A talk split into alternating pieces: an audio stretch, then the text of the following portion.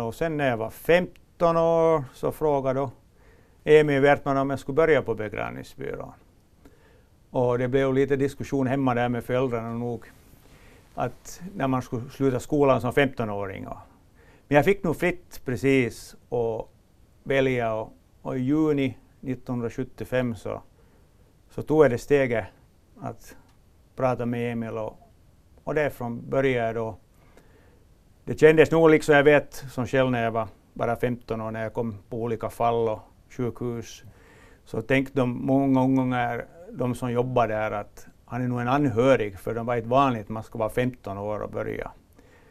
Men jag hade ju Emils stöd och han sa att han har nog varit med tidigare redan, att han är nog och kan det här yrket. Och det är många som har funderat med mitt jobb att hur det har lärt det, men, men det var han som var stora läraren nog. Han kände alla personer och det var stort stöd alltid när man får med Hanna och jobba. När jag slutade skolan så var det en diskussion att man skulle fortsätta. Och det var en liten point som jag glömmer aldrig för att då var det många som spelade fotboll där och så skulle man få till yrkesskolan på kocklinjen och ut på båt. Eller på järnvägen i Karis. Men det for nog bort på det viset för jag var färgblind så jag kunde inte söka in till järnvägen. Och det var, min brorsa jobbade ju där på järnvägen, han började som 18-åring men det blev nog därför kanske som, som man valde den linjen och jag har aldrig ångrat det.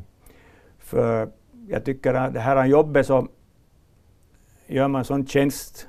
Man träffar människor, mycket anhöriga annars som man försöker då göra sitt bästa. Och, och det är alltid som man, när man träffar efteråt, om man har skött det bra jobbet, så motiverar det många gånger att det ger den här tacksamheten. Och det är därifrån som det nog, som man orkar på ett annat vis. Om jag räknar rätt så då har du ungefär 45 år inom branschen. Vad tycker du att har ändrat mest under de här åren? Vi har det här, ska vi se på det här, när vi är här på landet som jag brukar alltid säga, att vi har ju annars mycket liksom på det viset att anhöriga med till kisslängningar först, som kommer att ta avsked den sista stunden då som vi ordnar då. Att det, där är, sen när man rör sig in till Helsingfors så där är det inte så mycket anhöriga med. Men på det här, det här, det här landsändar så har vi nog mycket anhöriga med på de stunderna. Och, och vad det för ändringar så vad ska jag säga, att om det har förändrat på den här branschen så är det inte så hemskt mycket. att Man ska göra nog det här jobbet med en, med en vördnad. Och, eh, jag var alltid, jag fick bra råd av Emil då. Han sa de första orden kanske som jag började med så alla människor är vi lika när vi kommer så här långt, att det är ingen skillnad. Att eh, om det är någon minister eller då som är dåligare ställt så vi alla människor, att man ska ha omsorg verkligen mot de anhöriga lika mycket liksom, och ha vördnad om dem. Och det är det som är nog en starkhet i det här som jag hoppas att jag alltid haft och kommer att fortsätta bli viset för alla människor är vi samma ställda. Hur ser en vanlig dag på jobbet ut för dig? Jag börjar sådär klockan nio. Jag far upp till garaget först halv nio och, och sen börjar då nio tiden kommer vi till kontoret där, då har jag mina arbetskompisar där, vi går igenom det och vad vi har för körare. Och sen har vi nog oftast en sån tid som vi har med anhöriga fastslagna tider med kistläggningar. Det kan vara klockan elva på sjukhuset, ska föras då något till något annat kapell på eftermiddagen, samma sak. Och sen är det ju alltid att det är, det är ju alltid det här med jobbet som vi har disjureringar. Så att den slutar inte aldrig klockan fyra som det ska vara, utan då har vi till efter det, dygnet runt. Och vi är ju då anträffbara 24 timmar. Och det är ju en sak som, är, som man sitter ganska mycket fast på det viset. Och där är det bra att man har ett stöd på det viset från sin familj, att de förstår att man kan fara när som helst, att de ringer och, och då kör vi igång. Men annars de här dagarna är nog alltid lite olika. Det är inte en dag som är likadan. Så det, sorgen att mista en anhörig, så det drabbar ju alla förr eller senare. Och du har säkert i ditt jobb egentligen stött på hela den här skalan som man kan tänka sig att finns. Jo, nu har vi ganska i det här i, det här i Finland åtminstone så har vi nog på det viset att, eh, att anhöriga nog har en viss bearbetning av sorgen och det. Och, och man kommer in ganska mycket på anhöriga nog. Och alla sina tankar många gånger bara är man och lyssnar vad de pratar mm. när man träffar dem. när man kommer hem då på något fall som man, man är och sköter. Och, och, och en del liksom på det viset att de vill ha lite råd. Och, men vi lyssnar, det är då kanske det viktigaste saken mm. att man, man hör. För alla, en del vill prata lite mera och en del inte prata så hemskt mycket. Men vi, vi försöker jobba på det viset att, att man, den lyssnande är en viktig sak. Och från fall till fall så är det olika. Ska vi säga att om det är några yngre personer så märker man också stor skillnad. Mm. Att det är det som är liksom att, inte, att det var väntat.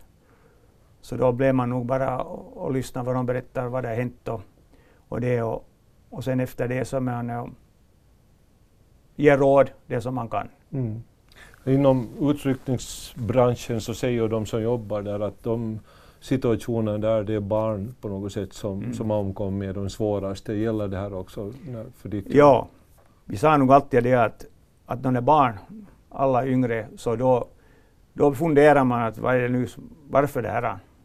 Och jag kommer ihåg många fall som jag haft med barn och det så, så brukar jag säga så att när jag har som svårast då när jag ser det här.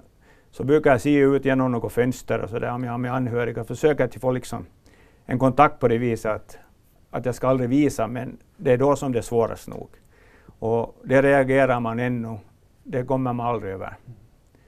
För jag vet, jag hade en syster, så jag vet min mamma, hon var bara sju år, hon somnade in och min mamma då som, som miste sin dotter, så hon hade i, ja, jag skulle tro att det var över 20 år som hon hade den här sorgen hela tiden. Mm som hon tänkte hela på den saken. Och, och då, sen när jag började själv med på begravningsbyrå så vet jag nog att det, det är det svåraste. Att när man kommer och möter att det kommer barn som somnar in för tidigt.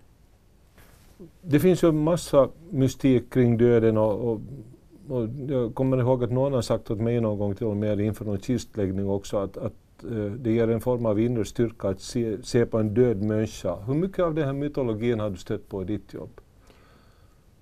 Jo, det nog stämmer. Det, det brukar jag liksom säga när, när anhöriga frågar om de kan komma med då på kistläggningar så, så, så vet jag nog att det blir en lättnad för de, jag, jag tänker själv någon gång sådär att, att det här att när man ser den avlidne där så försöker vi laga den så fint som möjligt och och när anhöriga kommer då på kisläggningen så, så ser de att ja, det här var så fint att vi fick ett så bra minne. Mm.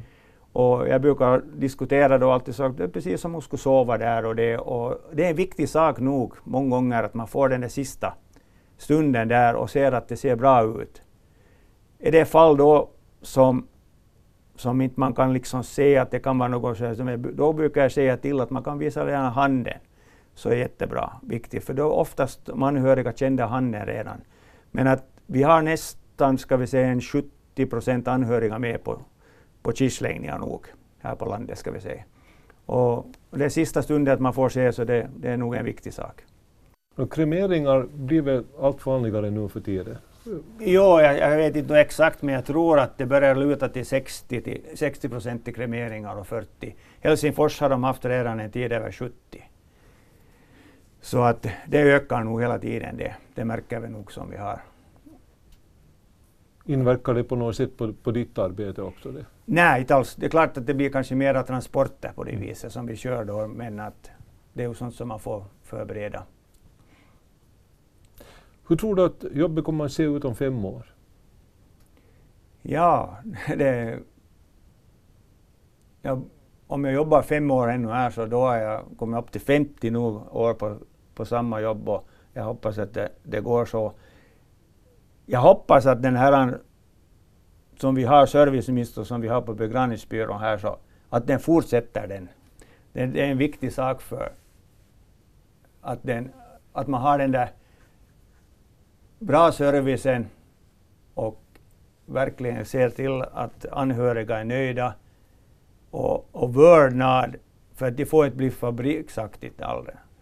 Och det är det som jag alltid strävar till, som jag jobbar med många arbetskompisar som jag aktar att försöka alltid att vi har lärt det, att det ska vara med vördnad som man sköter om det här. För det är en viktig sak att vi håller det. Men med ett sånt här jobb så behöver man säkert eh, någonting att koppla av med på fritiden. Hur, hur, vad har du hittat på för att liksom glömma det jobbet och, och ha en sysselsättning som motiverar att tänka i andra banor? Ja, det, det, där, det var nog det att när jag började här då 75 så jag var med aktiverad inom fotbollen då, det där i, i Karis, BK46. Och, och jag blev ganska tidigt efter det så spelade jag med herrlaget, men sen efter det så började jag med juniorer. Och jag har många gånger tänkt att det var det bästa som man gör för när man kommer från jobbet då här efter fyra, fem tiden så fick jag börja med juniorerna. Och där jag for till träningen och så träffar man 15-20 pojkar där och då bräcker man bort helt det där jobbet. Och då blev man lite en som pappa, pappa eh, fotbollsspelare med dem och mera psykolog och allt det där. Men det var det, var det bästa det.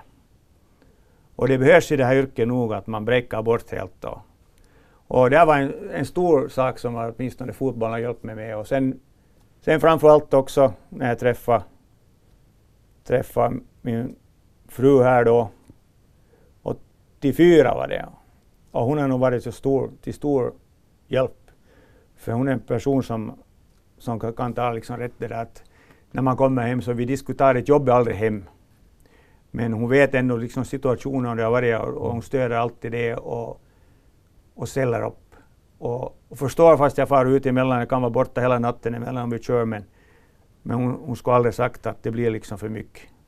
Hon har förstått det bra och sen efter det så så fick vi vår efterlängtade flicka 2002 som vi nu väntar på i fyra år när vi adopterade henne från Thailand. Och hon heter Varanja och nu är hon 20.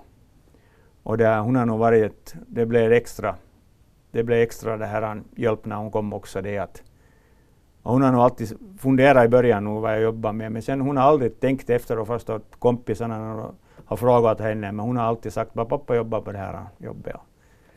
Och hon har varit jättebra stöd också. Hur har coronakrisen inverkat på ditt jobb? Eh, coronakrisen kom här, ja, det här alltså, där fick vi nog bra direktiv direkt för vi hörde till ett sånt förbund, begravningsförbund här. Och de gav nog direktiv till hur vi ska eh, sköta jobbet efter det. Vi fick mycket där att man ska skydda sig och, och det här han, eh, för mun och, och förkel och handskar och allt det där. Men annars så har jag sett här åtminstone och det är jag jättetacksam att här är Raseborgs allra äldreomsorg här, alla enheter, så har skött det jättebra från första början när det kom i, så tog de hårda direktiv att inte man får komma och hälsa på de anhöriga. Och det är nog en sak som jag jämfört sedan många gånger i Sverige. Jag tänkt på dem att de släppte för långt. Och det är det bästa som de har gjort här, att de har skyddat för. Klart att det rör sig mycket i Helsingfors och Esbo. De aktiverar sig lika mycket, men här i Raseborgs alla de enheterna som vi rör sig så de har nog verkligen gjort ett bra jobb. Och det ser jag ofta upp där på Haga MF, för vi har vår egen mamma där, hon är 92 och, och vi fick träffa henne nu efter nio och en halv vecka. På mors dag vi reserverade en tid att jag fick få dit 15 minuter. På söndagen och Broa var på lördagen. Och på söndagen fick jag träffa henne. Och då fick vi tala genom ett plexiglas och, och galla, det var ute så. Mm.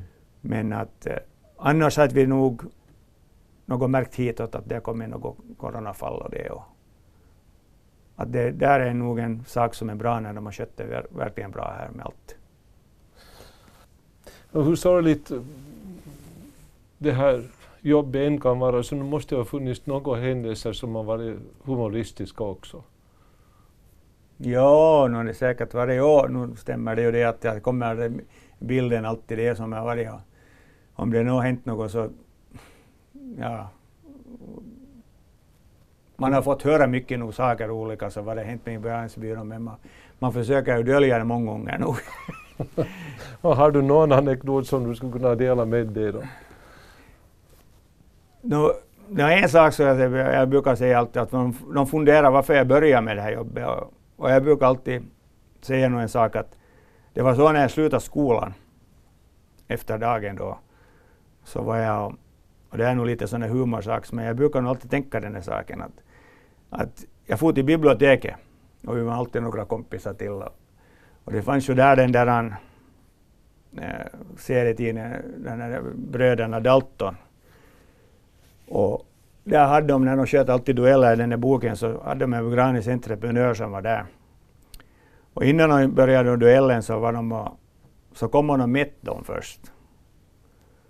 Och så for han tillbaks och började spika upp kistor. Och efter det som duellen, vem som nu somnade in och så kom han tillbaks med vagnen och gamarna på vagnen. Och det här han, och tog den avlidne därifrån då. Och den är alltid den serien som jag tänkte att därför kanske jag skulle bli för jag, jag tyckte alltid om den där Daltons bröderna, den där, vad det nu hette den där tidningen, men det var i, där som det kanske började.